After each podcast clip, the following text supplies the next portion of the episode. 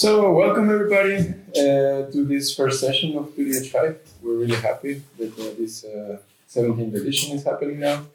And I'm really happy to introduce uh, Michaela and uh, Luigi, who are going to talk about uh, Albert Heijn and uh, with a really interest talk about their book and um, connecting how, like, from the automation of the supermarkets to the food system.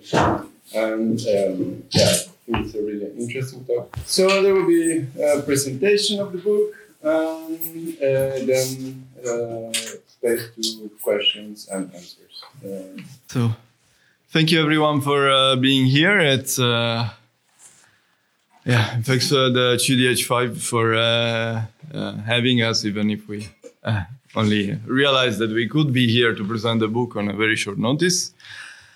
Uh, now, to uh, get into the mood of the presentation, we wanted to uh, start with uh, reading the prologue from the book so that uh, we get a bit into the story.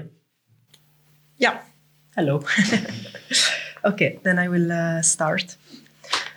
Imagine that you're walking in Amsterdam Central, IJzijde, along the shops, amid tourists and commuters. Happy that you're out of your stupid job.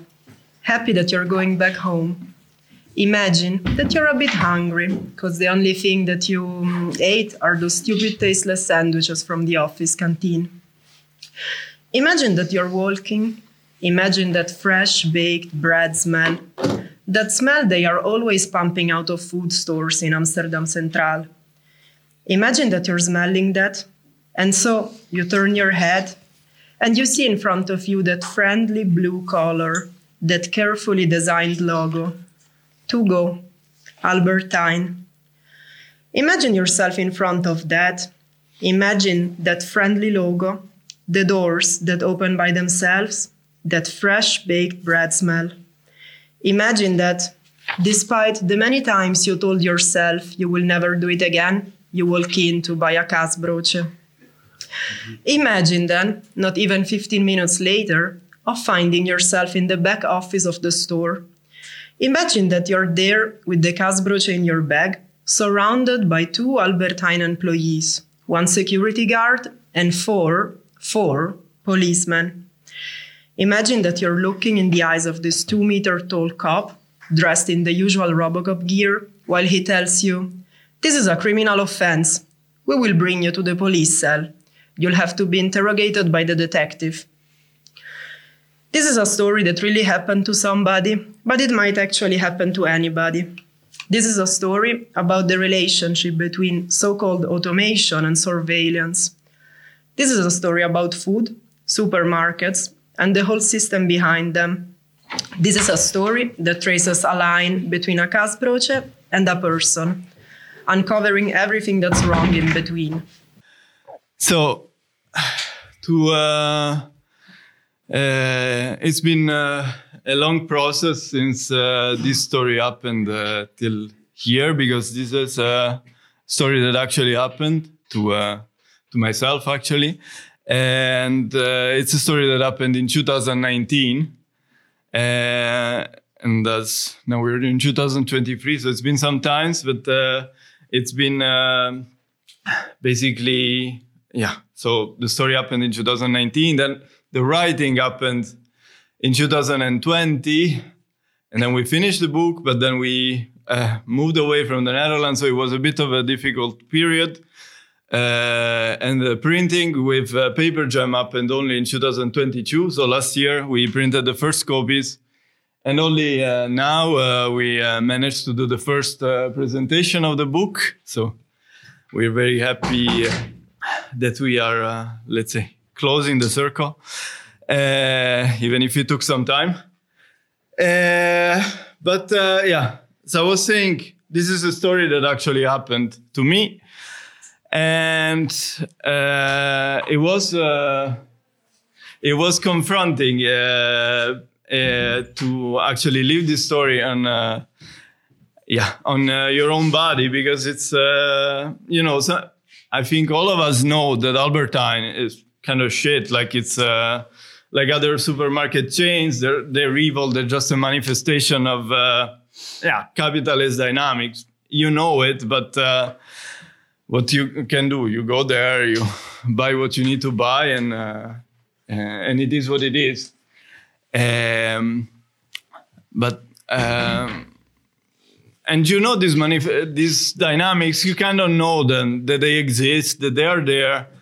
But when you leave them directly on uh, on your body, it's kind of different. Like, uh, and of course, I uh, haven't had the privilege of not having to confront myself with these uh, very often, but uh, it's it's a very strange situation where you're in the middle of these dynamics and you're living them uh, on your body. Uh, so it was quite confronting, and uh, this happened in June 2019, and it was uh, a bit of time to uh, to process what uh, what had happened, to telling this story to people, because in the end the story is quite absurd, a bit Kafkian if you want, and but it took some time to uh, reflect and uh, and yeah process the story. And then only in 2020 when uh, like everybody we were uh, uh, a bit more stuck at home and uh, with a bit more free time on our hands then we actually decided that it was worth putting this story down on pages and to write it uh, and we, why we decided to write it, not only for the story itself, because the story is quite, it can be fun to retell, uh, to like look how fucked these uh, dynamics are. Uh, and uh, for people that are uh, just arrived and not heard the prologue, the dynamic of the story in the end is like a person taking a one euro 80 kaasbroodje at the self checkout being accused of stealing it, and because of this, ending up under police custody. Now, we're not going to tell you all the details because else we're going to spoil you the story.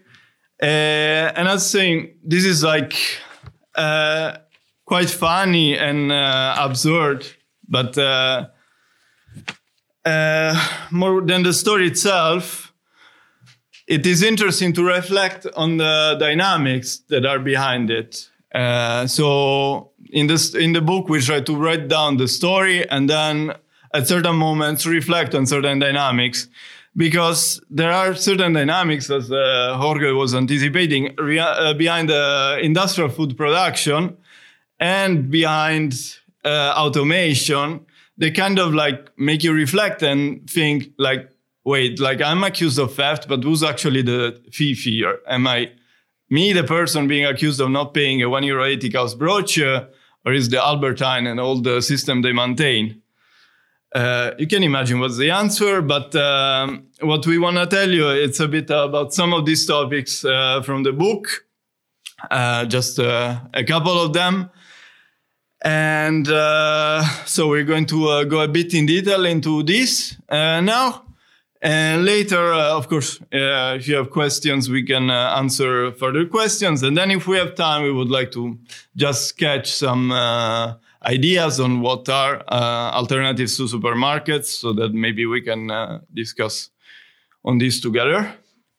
Okay, so. Yeah. okay. Yeah, indeed. So, as Luigi was saying, um, in the book we alternate between the story itself and then some reportage like um, parts where we re- reflect a bit on certain things um, and these things are indeed the industrial food food production on one side. So we started by thinking, okay, a kaasbroodje, what is it? What is it made of? So we looked a bit into the whole uh, cheese industry and uh, into the wheat industry. So it's two different chapters. And now I'm going to talk a bit about. Um, the wheat part, which was also quite interesting. And then there are two other chaps, chapter, like one is about uh, automation, and then one is about the relationship between automation and securization, let's say, and the whole yeah criminal system or justice system, how you want to call it. Uh, yeah, so let's start a bit with the part uh, on uh, wheat and bread in general, because indeed the Kaasbroodje is this uh, bakery product and then we started thinking a bit okay um, let's try to understand um, basically where does this uh, like who is making the bakery products for the Albert Heijn in the first place and where does the wheat come from basically. And um, yeah we had to do quite some research uh, to find out about this because of, for, of course despite the claims of uh, transparency and so on i mean nothing is transparent and yeah, in the book we describe a bit then the findings. So I'm not gonna super go into detail into that because it's also quite in yeah quite um, difficult in a way. But then what we found, which was quite interesting, was that both the basically the bakers making bread and bakery products for um, the Albert Heijn and also on the Albert Heijns channel themselves. There are a lot of these um, basically content, articles, videos, these kind of things that are trying to make the image of bread nice again. No? Because of course, I think yeah, we all know there was also quite some people started thinking that bread is not healthy, so they started having I don't know gluten-free diets, and of course here I'm not talking about people suffering of celiac diseases, but more people that said, yeah, I don't want to eat uh, this stuff anymore because it's not good for my body, it's not making me feel good, and so on. So it seemed like there were there was a lot of money invested in these PR campaigns about um, how important bread is and how uh, much of a cultural item it is for the Netherlands, but also in general for other countries, which is actually true. I mean, I think bread is one of the things that are, or bread or its variations that are eaten more or less everywhere. And um, yeah, so there were all these things talking about why bread is healthy and nutritious and it's a good product actually. And then we started thinking, indeed, but how come that basically something that is as fundamental as bread, which is yeah, very important after very aspects, um, came under such a bad name actually in society, you know? And what is this bread exactly? And of course, here we are talking about modern bread or industrial bread. I don't know how to how to best call it. And then we found a nice definition that was made by a um, collective in France of uh, peasant baker that do a lot of things with, with bread and ancient grains and so on. And then they were describing the modern bread as nothing more than a tasteless gum, too sugary, too salty, and completely deprived of its potential nutritive properties, which is actually true because I mean, I think, yeah, I don't know, people that had the chance to also maybe try a bread that is different can really tell that actually, yeah, the bread that we consume every day, like that we buy at supermarkets and stuff, it's really not uh, nice. And so we decided, and that's also what I'm going to talk about here a bit to try to understand like uh, why that is. And in order to understand that, yeah, we had to go back to the roots of the problem that are the seed, basically in the first place, like um, the seed of wheat. Because, yeah, um, modern wheat um, comes from seeds that at some point were patented. So basically, there are um, catalogs at national level, at least for almost every country, I think. Um, at least in yeah in Europe, where basically there is a regulation on what seeds are suitable for uh, to be sold and bought to basically yeah make flour and bread. And there was this whole process of uh, seed selection that happened over the last century, um, where basically seed, wheat seeds were selected indeed to find uh, those varieties that had certain properties that are, for example, yeah, I don't know, having a better yield, but also making it easier to work it with tractors. So, for example, many ancient varieties are quite tall, or people would use just mixed varieties, so with different height, and then they would have to harvest manually with the yeah, I don't know how it's called. Sorry. Yeah, that one. And um, now, of course, um, to use tractors and make everything fast and industrialized, um, the wheat variety, like the plant itself, had to be tall. Uh, tall had to be uh, short. Short, yeah, the opposite of tall. Short, yeah.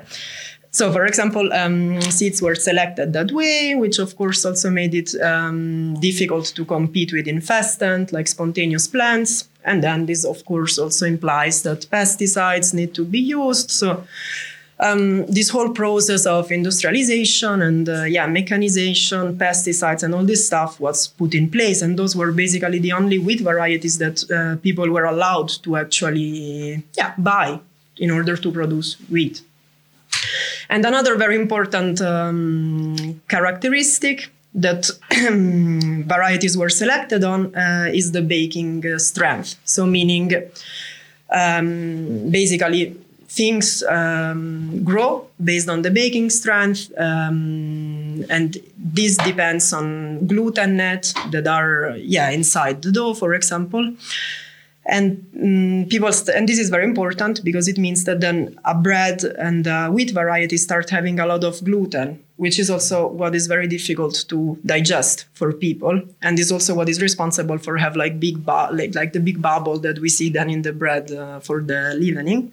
And there are even like um, yeah i don't know machines like this one called the chopin alveograph that is basically a machine pumping air into a dough and making it go like this big bubble thing until it explodes so that then you can measure how strong the baking strength is.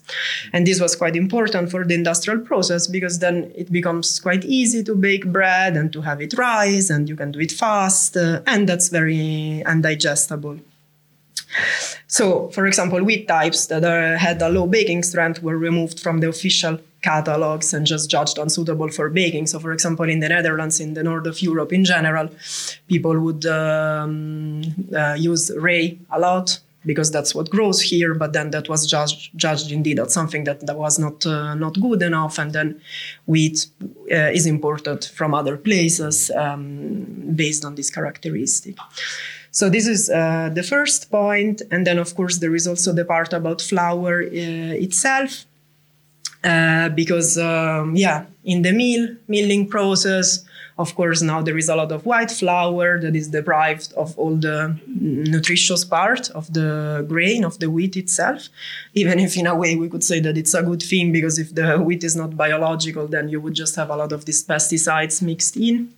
And this also contributes to basically have just the bread rising better. So it's interesting because also the image of bread changed like the baguette that now we think as the i don't know one of the stereotypical bread type would not even exist if uh, people would try like if you try to bake with ancient varieties um, yeah it's impossible to get something like uh, like this. And then the other point it's also about um, leavening itself. So yeah there was no more sourdough that was used but rather uh, yeast that also from a chemical perspective mm, like the process is not like where sourdough is um, actually helping make the dough digestible from a chemical perspective. The yeast that is used now that is making things rise in i don't know a few hours is not doing that. And yeah now i come to the last point, which was also fun to realize. Basically, we found out there was a whole inquiry made also that also came on Dutch uh, television about these bread improvers that are put into the bread dough process in industrial bakeries. Um, that are basically powders. One example was this L-cysteine that yeah I didn't even know what it was before, but apparently it's something that is made of uh, human hair that come from um, hair salons in China that are imported and then transformed into this powder that is used um, to make the, ho- the dough hold. Because otherwise, the machines that are used are so fast and strong that would destroy everything, and the gluten net would not be there, and the bread could not hold. So, of course, this is all a bit uh, yeah, weird and strange. And we, of course, don't even realize when, when we eat it, and we just eat it every day. but yeah, the whole point here is that um, when you start looking a bit into then what are these bakery products or these products in general, because now, of course, this is bread, but this applies to almost everything that are sold, are legally sold, and that we consume every day. I mean, that's also indeed criminal a bit from many, many perspectives. Um, yeah, so then in the book, um, we go into a bit more details, and the story is told, uh, yeah, maybe in a nicer way but this was a bit the point we wanted to make on uh, yeah on, on, bread and wheat. Yeah. ah yeah sure we wanted to end with another excerpt yeah. To conclude uh, and thus huge factories selected flour mixes and bread improvers. The perfect recipe for baking bread in the new millennium had been finalized. Today the result of this recipe is the bread produced by Borgesius and sold by Albert Heijn together with most of the breads that are to be found in any supermarket or bakery all around Europe. The already mentioned tasteless gluten gum with too much salt and too much sugar. As a result of this recipe, the soils are polluted and drained thanks to the massive use of pesticides and intensive monocultures. The same few wheat varieties are being cultivated everywhere to the point that local varieties have almost disappeared. And further, farmers are completely dependent on seeds and pesticides multinationals and more and more people are not able anymore to correctly digest the white bread that is sold every day because of its huge amount of gluten. To conclude, the modern flour has been so neatly selected and so tightly refined to basically leave no essential nutrients in it that are not gluten or carbohydrates. No wonder then if over the years bread started being perceived as unhealthy by a growing portion of the population. But Borgesius says that it's all good. The bread they bake is a healthy and traditional item. And for people who cannot tolerate gluten anymore, no reason to worry. Albert Heijn sells also a whole array of gluten free products. And for people not trusting the white bread anymore, there's always the whole grain bread made by adding back to the white flour the wheat middling full of pesticides. And for people not trusting the modern wheat varieties, Borgesius Bakkerij makes, like many other, also bread from spelt, the more expensive bread made with an ancient wheat that in reality though has also been selected and crossed with the same modern wheat varieties in order to satisfy the standards of the industrial bakeries. In the middle of all these PR communications and marketing products, one thing is true. The bread and the bakery products baked daily by Borgesius and sold by Albert Heijn do represent a tradition. The profit seeking tradition of capitalist exploitation.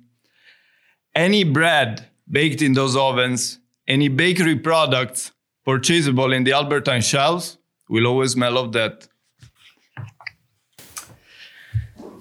Yeah.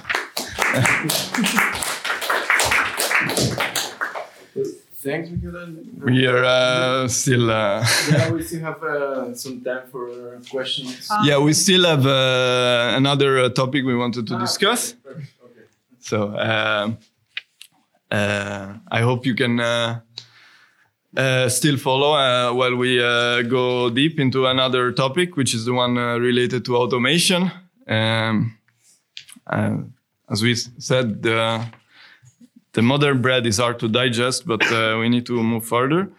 Um, and indeed, uh, so we did not uh, reflect only on the industrial food production because one thing that we found uh, really key into the story uh, is the fact that um, the contested purchase of this kaasbroodje uh, happened at a self checkout. And there are some dynamics connected to that uh, that we thought were important to reflect upon. One, as we mentioned, is the dynamic related to securitization. So basically, the security system that is put in place uh, because of the fact that now customers need to check out themselves the product that they buy. This is something that we elaborate uh, further in the book, so I'm not going to uh, uh, go deeper into this. And the other uh, dynamic, as I was mentioning, um, is basically uh, the one that we want to reflect about now is the one regarding basically the role that automation and technological development plays into this. So the superficial dynamic of uh, self-checkout is kind of clear. So a technological tool like a self-checkout uh, Casa makes it possible that a certain task uh, is no longer performed by a paid employee. Uh, to begin uh, the reflection on uh, this uh, topic, we wanted to uh, start with a quote from uh, 150 years ago, just to yeah highlight the fact that these modern technologies follow the same old dynamics. Yeah. They are called labor saving machines, a commonly used phrase which implies what we expect of them. But we do not get what we expect. What they really do is to reduce the skilled laborer to a ranks of the unskilled, to increase the number of the reserve army of labor, that is, to increase the precariousness of life among the workers and to intensify the labor of those who serve the machines. And this is a quote from uh, William Morris from a um, paper that was called Useful Work versus Useless Toil uh, of yeah 1885 basically. Yeah. So it is interesting because if you uh, read through these lines, you can basically hear the same uh, um, kind of dynamics that you uh, hear often now. So I think uh, everybody in this room has uh, heard uh, or read articles about, you know, the um, the trend of like robots are are going to take our jobs or we're no longer going to need to, uh, to work because of robots or um, universal income will become necessary because people won't have to work anymore because of robots. There's uh, there are many many many uh, articles on these and i think this year they started again with even uh, more uh, strength but to just realize how um, strong this uh, voice is in the media, uh, we decided to uh, look at some uh, articles from uh, The Guardian that were published in 2017. Uh, and that's from The Guardian and not, um, I don't know, the Financial Times or the Silicon Valley Bulletin. Um, and we went through some of these, and uh, now Michele is going to read a selection, which I underline. It's a selection of some articles that uh, appeared on 2017. Robots will destroy our jobs, and we are not ready for it. Actors, teachers, therapists, think your job is safe from artificial intelligence? Think again. If EU workers go, will robots step in to pick and pack Britain's dinners?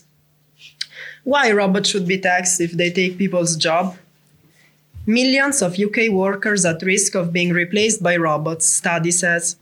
Robots to replace one in three UK jobs over the next 20 years, warns IPPR. The meaning of life in a world without work. What jobs will be still around in 20 years? Read this to prepare your future. Ready for robot lawyers, how student can prepare for the future of law. Yeah, it goes on, but I think it's enough. Yeah. So uh, as I was saying, this is a selection uh, of articles that appeared in the Guardian, but there were many more. So you can imagine that like every two weeks uh, there was like an article appearing on this topic, and we've always like the same narrative and it it makes you realize uh, like how strong our uh, beating it is this narrative of like robots are going to take our job robots uh, are going to take our job and the first thing that we thought it was uh, useful to do was basically doing a basic uh, logical analysis of the sentence robots will take our jobs and deconstruct it uh, word by word.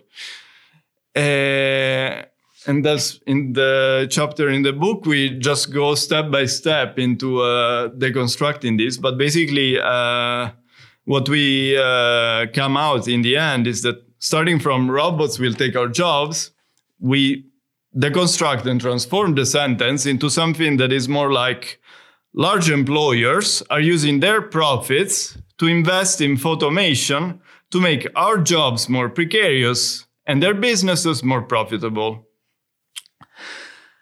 and so why it is not true that robots will take our jobs, but the whole thing that I said just before.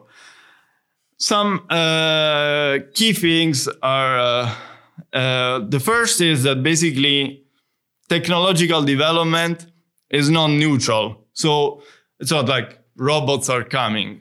It's not like a, a mushroom that just sprouts and it's like, oh, there's mushrooms coming. No, it's uh, robots, it's like a, a manifestation of technological development and research, which is not something that it's done uh, by i don't know throwing a coin in the air like technological development is something that uh, takes uh, years and the efforts of many people and a huge amount of money. So there are billions of euros of research put into any technological development. Uh, any kind of research that you see, like from uh, indeed, like self-driving cars to uh, I don't know, lab-grown meat. It is just like there is people with money, which is not me, it's not you. It's like big uh, governmental agencies, uh, big capitalist enterprises that decide to invest money into it. And thus, any product that is uh, developed by, um, by this research is a clear manifestation of capitalist interests because it, it is clear to everybody that if this would not be uh, economically convenient to a capitalist enterprise, they would never spend money on it and so much money into something that take, takes years to uh, to actually uh, be useful to something. Uh, and thus, it is not neutral. And this uh, narrative of like robots are coming, it is fake. It's just hiding the fact of how uh, technological development comes. Uh, and thus, if um, big enterprises are deciding to invest in automation, it's because they think, ah, I will uh, get economical gains by the fact that I can pay people less or pay less people. And thus, this is what justifies these investments of billions of euros. And this is also what makes it possible that then you get certain results. It's not like these. Like uh, we also quote uh, uh, retake something that um, similar to what uh, Feyerabend said. It is basically if all the money that is invested in uh, modern uh, technological tools would also have been invested in rain dance, it would also have given some results in the end. Uh, and and that's it's like uh, this research with this narrative of like it is coming. It appeared. So uh, now there's this. Oh, there is a robot. Uh, well, what are we gonna do about it? It just like avoids any clear discussion on the social and ecological impact that these technologies have. It just completely uh, bypasses it. And so this is the first thing that we thought was really needed to make clear. So it is not robots are coming. It is like large employers that are investing into this because it's convenient for them. The second thing is uh, the term fauxtomation that we uh, retook by uh, from Astra Taylor. And so, like fake automation, it's it's because uh, in reality, automation is far less impressive than all the newspaper articles and the PR campaigns make you think about. So, like you know like how many years there's been the narrative of like self-driving cars blah blah blah. Like how many years has it been? Like do you see self-driving cars? I do not. Like uh, they're just like uh, there's still people behind the car to just make sure that uh, the car drives and does not uh, go into crazy errors. Uh, and thus like the human laborer is rarely substituted. So it's not like robots are taking our jobs. This does not happen almost ever so the, often the job is still there but just like william morris was saying 150 years ago it is just reduced to a, a more narrow range of de-skilled tasks that you need to do interacting with a machine so it makes it even further humiliating and demotivating. Uh, but it this narrative of like uh, robots are taking our jobs, it also puts you in a precarious state because then you basically get your work condition worsened and you don't even dare to complain because, well, I'm lucky that I still have a job because maybe robots will take it over in a couple of years. So this is what this narrative produces as well. This idea that robots will take our jobs. it, it is not true um, it just the job still it is there it just becomes more precarious and it's the same thing with the self checkout now self checkout it it's a really a fake automation like it's a uh, it's not really an automation. What it basically does is that uh, uh, a task that before was performed by a paid employee now is performed uh, very happily by the customer itself uh, without being paid for it. And this is all to the gains of uh, Albert Heijn, of course.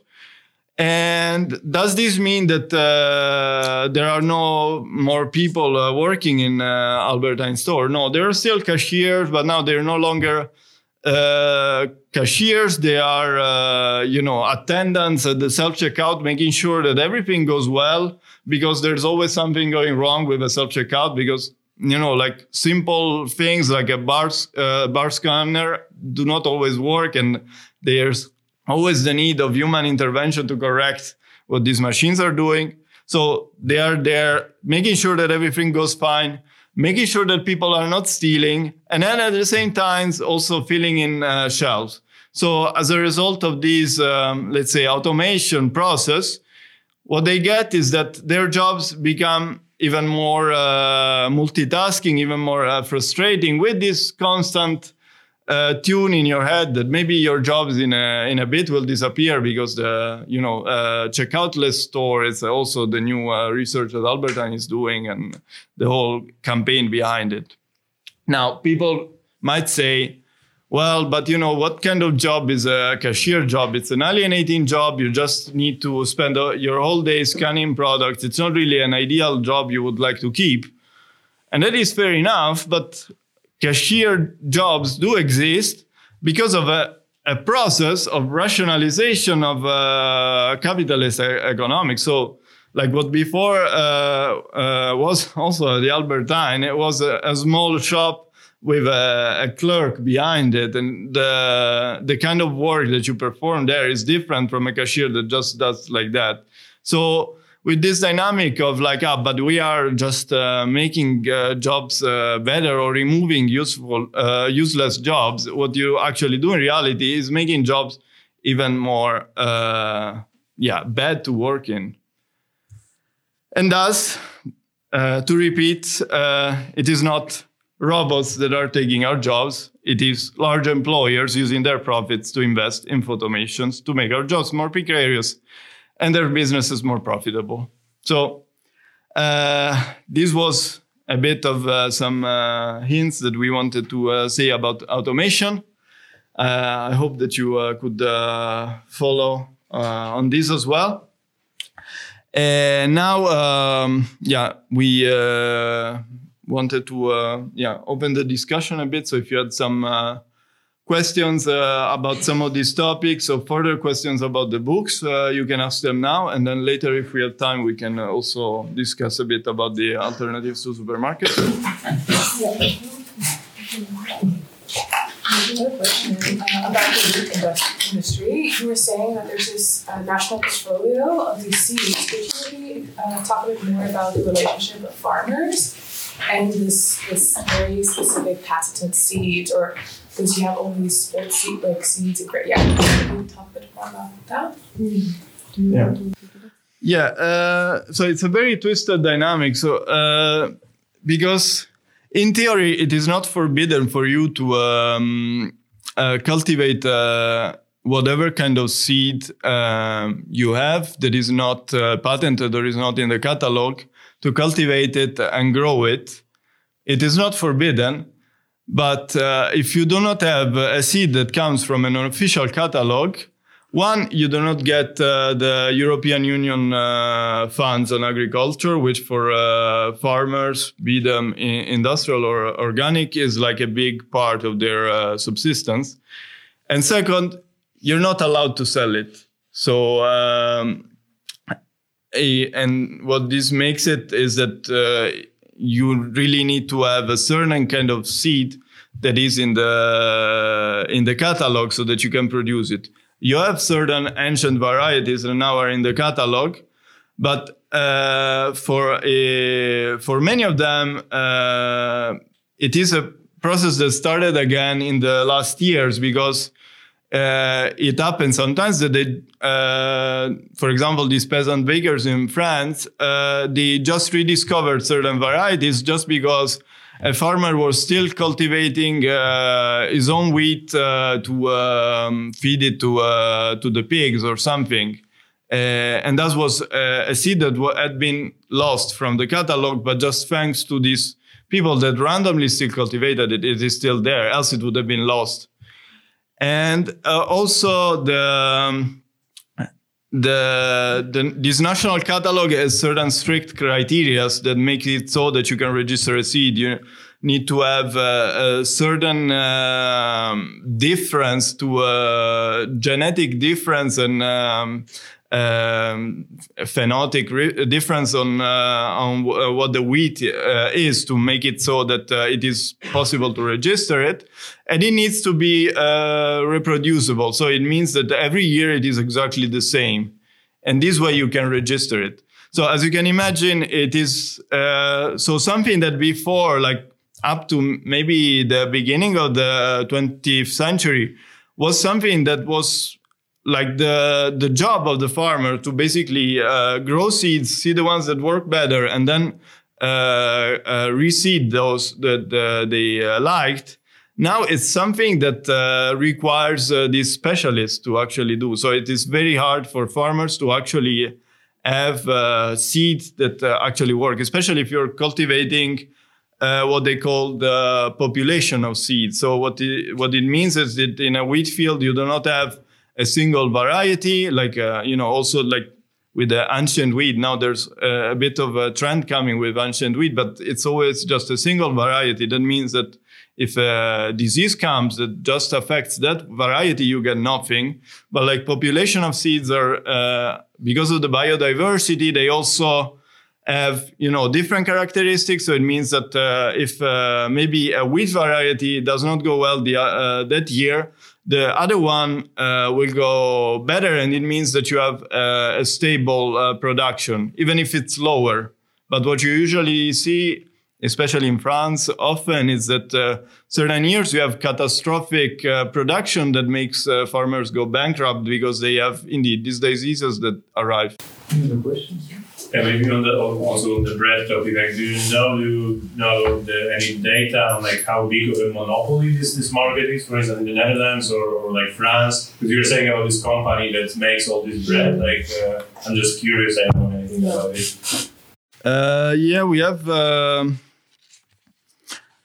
so uh, we have some. Uh, yeah, we have some quotes. Uh, so Borgesius, which is the producer of uh, bread for Albert Heijn, brags uh, about uh, their products being in 80% of the Dutch houses and of delivering 800,000 bakery products at supermarkets every day. So to make you imagine, uh, Borgesius uh, Bakkerij is a, is a baking uh, factory, basically a baking factory that is uh, as big as uh, eight football fields uh, that they recently built. So it's a huge thing uh, with yeah all kinds of things that they are completely out of their control. Like I don't know. Uh, a mouse ending up in a in a bread and a customer op- uh, cutting the bread and seeing a mouse in it and nobody having it realized or I don't know, uh, the oven uh, having asbestos in it because of like, you know, like a proper factory. And uh, another thing that we saw among the Albert Heijn producer is, for example, uh, Lantmännen Unibake, uh, which is a Belgian company. And for example, this Lantmännen Unibake uh, brags about three every, every four sandwiches in a Belgian snack bar come from the industrial baker Lantmännen and basically it's all these um, these are other producers of like these frozen products so like the breads that you just uh, or the bakery products that they're just uh, pre-baked and then they are sold to bars cafeterias everywhere and then they are just put in the oven a few seconds and then they are uh, sold as fresh basically Yeah, I have a question. Like, it makes me think if eighty percent of like households supposedly have uh, this bread, like, don't Netherlands have some like anti-monopoly laws that should prohibit it, or somehow I don't know. no? No? Okay. Maybe somebody knows better. know that uh, these companies fund the government, so they don't really give a shit. Yeah, yeah democracy is uh, like uh, like Albert Heijn is part of Ahold, and Ahold is just like this huge company that owns like almost everything in the country. Yeah. Like yes, I think like, people say that like obviously in, a- in a democracy monopolies are not being not allowed, but I think in there's this hyper capitalist world that there these things aren't really controlled. Yeah, in a proper way. Yeah. Also, uh, it, it was also very confusing to uh, look up uh, who is producing the bread from Albert Heijn because it's very weird, like this.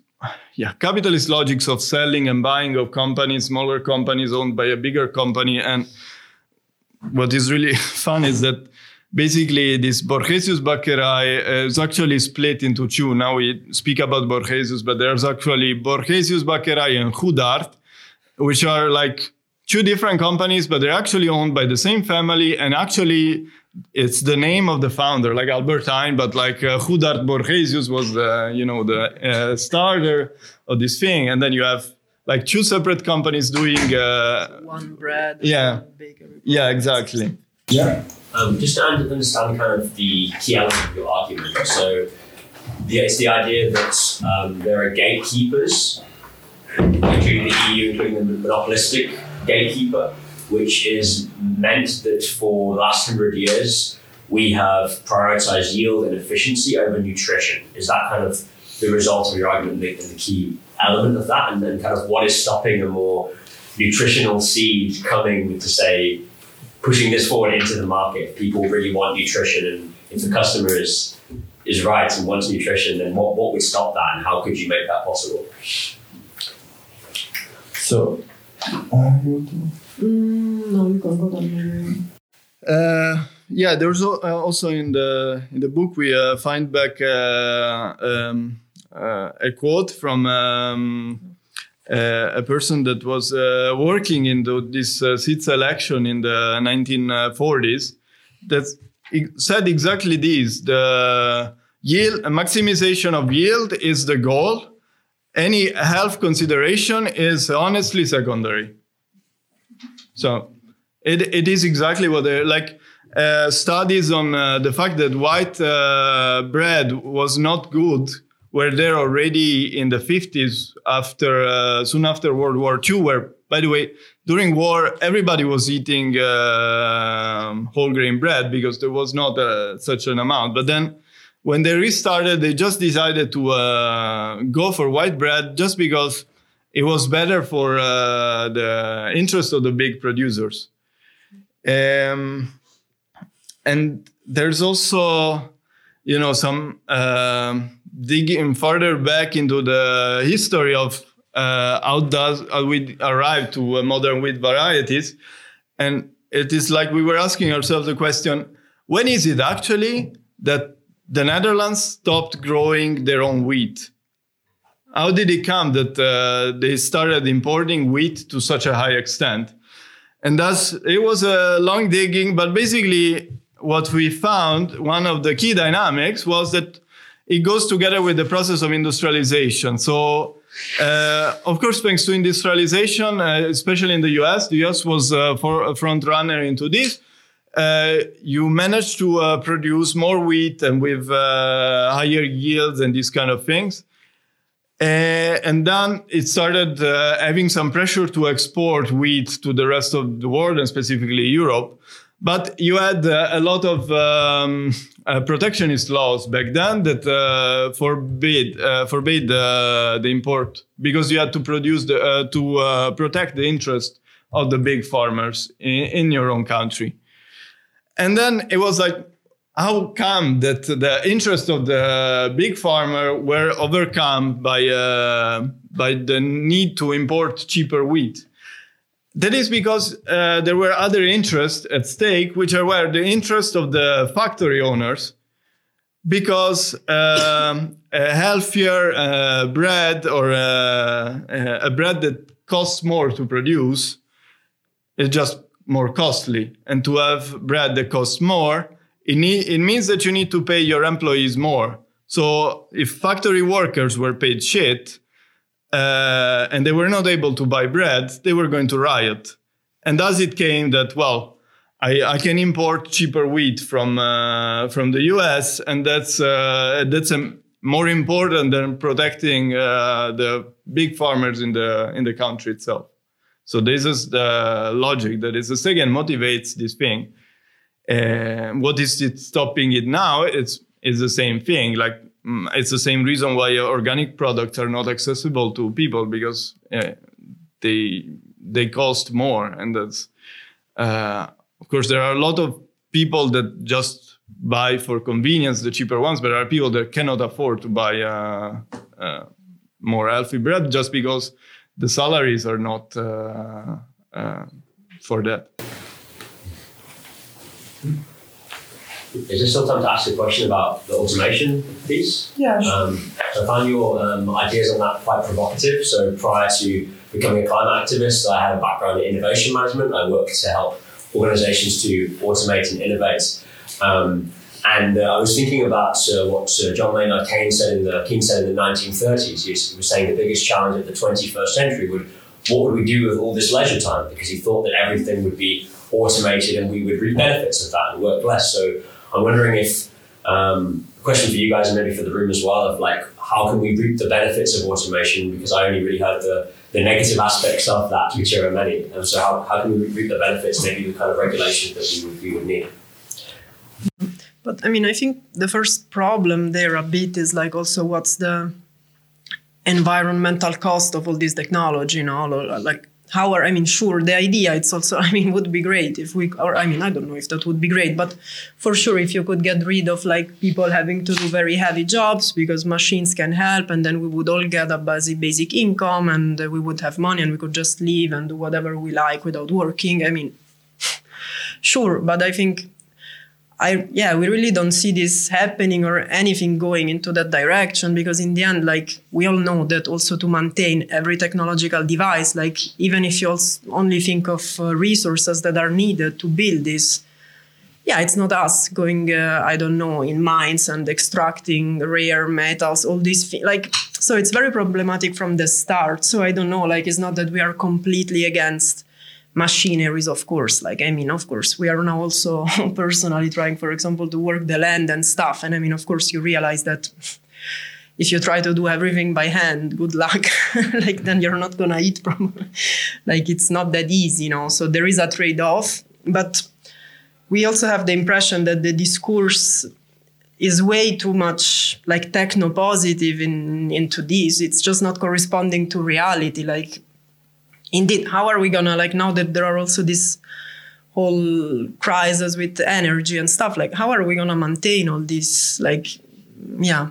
So i don't know how to indeed answer this. I don't we can also open it yeah, to the maybe also thinking like the worth of the human is too high and too low at the same time. Like the way we value people is very crooked. Like some people have way more value than the others, and I think for some people it is more valuable to suppress people and use use them as basically cattle. And like when you see them in factories or you know cleaning up the streets, like we had a huge uh, you know strike recently, but which was successful, which was awesome. But I think right now the way we think of hierarchies of people and just our environment and just resources in general until we shift this in my opinion until we shift this way of thinking uh, we're not going to get this leisure time even if we wanted it even if we could like ignore all this environmental cost i think yeah that's you know Is uh, very Rogge in Dutch? um, Ja, ja. Ja, Rogge, ja. So um, you mentioned it uh, that all days we we basically ate rogge and we produced rogge in, in Holland. Um, I I think there is a lot less gluten. I don't know whether there's any. Um, it is long lasting because you could put it on your shelf and like three weeks, months later, it's still good. Um, it's produced local. Uh, so could you elaborate on the alternative if like people like us would eat rogge instead of uh, wheat? Yeah, I, I uh, it is indeed the thing. There was a, a trend uh, up basically uh, in the cities. It started before, but uh, basically uh, in the whole of Netherlands, uh, rye rogge was the most eat, most eaten bread uh, up till um, World War II. Uh, soon after, uh, and now it is yeah, it is very like a niche product. No, it is like if you think about the image of you know like the most uh, prototypical uh, Dutch food, no, like the sandwich with uh, with cheese. Uh, hope I'm not offending, any Dutch person. Uh,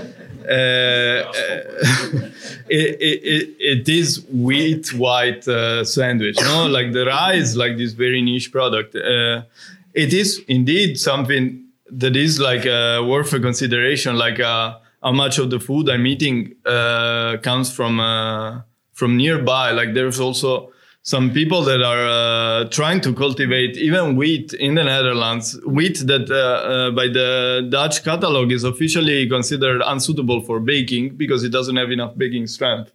Uh, and they make bread out of it. And there are some things trying. Of course, uh, the Netherlands is, a, is such a highly popu- uh, de- so densely populated country that it is very hard to to satisfy the needs uh, at the moment of this uh, such a densely populated country with even a, a, a lower yielding uh, uh, kind of uh, grain. But If you would use only local yeah, production. yeah.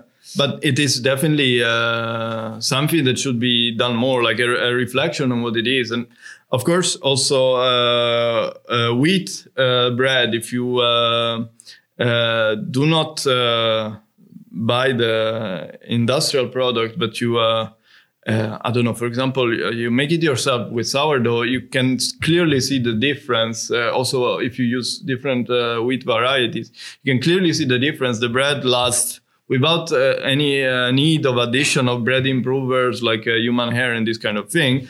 It, it lasts for a week or longer. It has a better taste. It is more digestible. It is uh, better for the human body, but also for the environment. And the same thing is for uh, rye and these other things. Yeah, for sure. It's interesting that now, if you buy roggebrood at the Albert Heijn, it's almost impossible to find with at least a considerable percentage of wheat, also, right? You mean without without? Without, yeah, you can't, it, it's almost impossible to find a roggebrood that's actually gluten free. Like most of them also have gluten, which it's interesting because it alienates us even more to what actual roggebrood Yeah. would be. Yeah, that's because a product that needs to be in a place like the Albert Heijn needs to uh, be scalable at industrial production, which means it needs to uh, uh, hold uh, uh, a kneading uh, in a huge machine that goes super fast. And uh, indeed, a dough like the rye that has a very low baking strength will not be able to hold that kind of production without uh, the need of uh, wheat. And it's the same thing, for example, with spelt, which is, was interesting because uh, you think, oh, spelt is an ancient, ancient variety. They're speaking about ancient varieties, so maybe that's an interesting product. But in reality, it, they did the same thing. They crossed spelt with the modern wheat varieties so that it could uh, satisfy the the standards uh, of production. So it it it everything that you see in a in a in a in a place like Albert Heijn needs to satisfy certain criteria of production. So and we also. Um, uh, imagine uh, we also underline this in the chapter about cheese like basically like uh, uh, there is also like uh, a, a quote from uh, Bukowski that it's uh, not Charles Bukowski, another Bukowski, uh, that is very interesting about this. Uh, let me find it back. Capitalism makes money on everything, but even more, it aspires to become everything, to become world. The supermarket, instead, is already a whole world a shop cart range, including emotion, solidarity, dreams. This is because, uh, so supermarkets have this tendency to try to accommodate every possible need because if you have a certain need, ah, it means that they, uh, and if they accommodate it, it means they can sell more. If it's something that you can buy, they will accommodate it as long as it fits certain criteria. Yeah. Yeah. Still have time for a couple of questions? Yeah. Did you want to uh, maybe? Or I don't know. Let's see if there is some more discussion.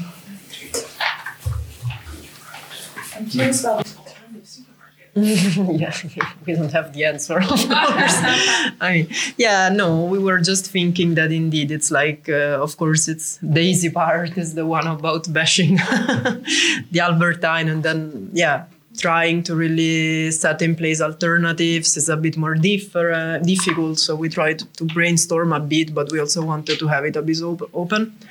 Also, because I mean, we don't live in this context anymore. So, of course, it's also different from uh, yeah the reality we are living at the moment Ooh.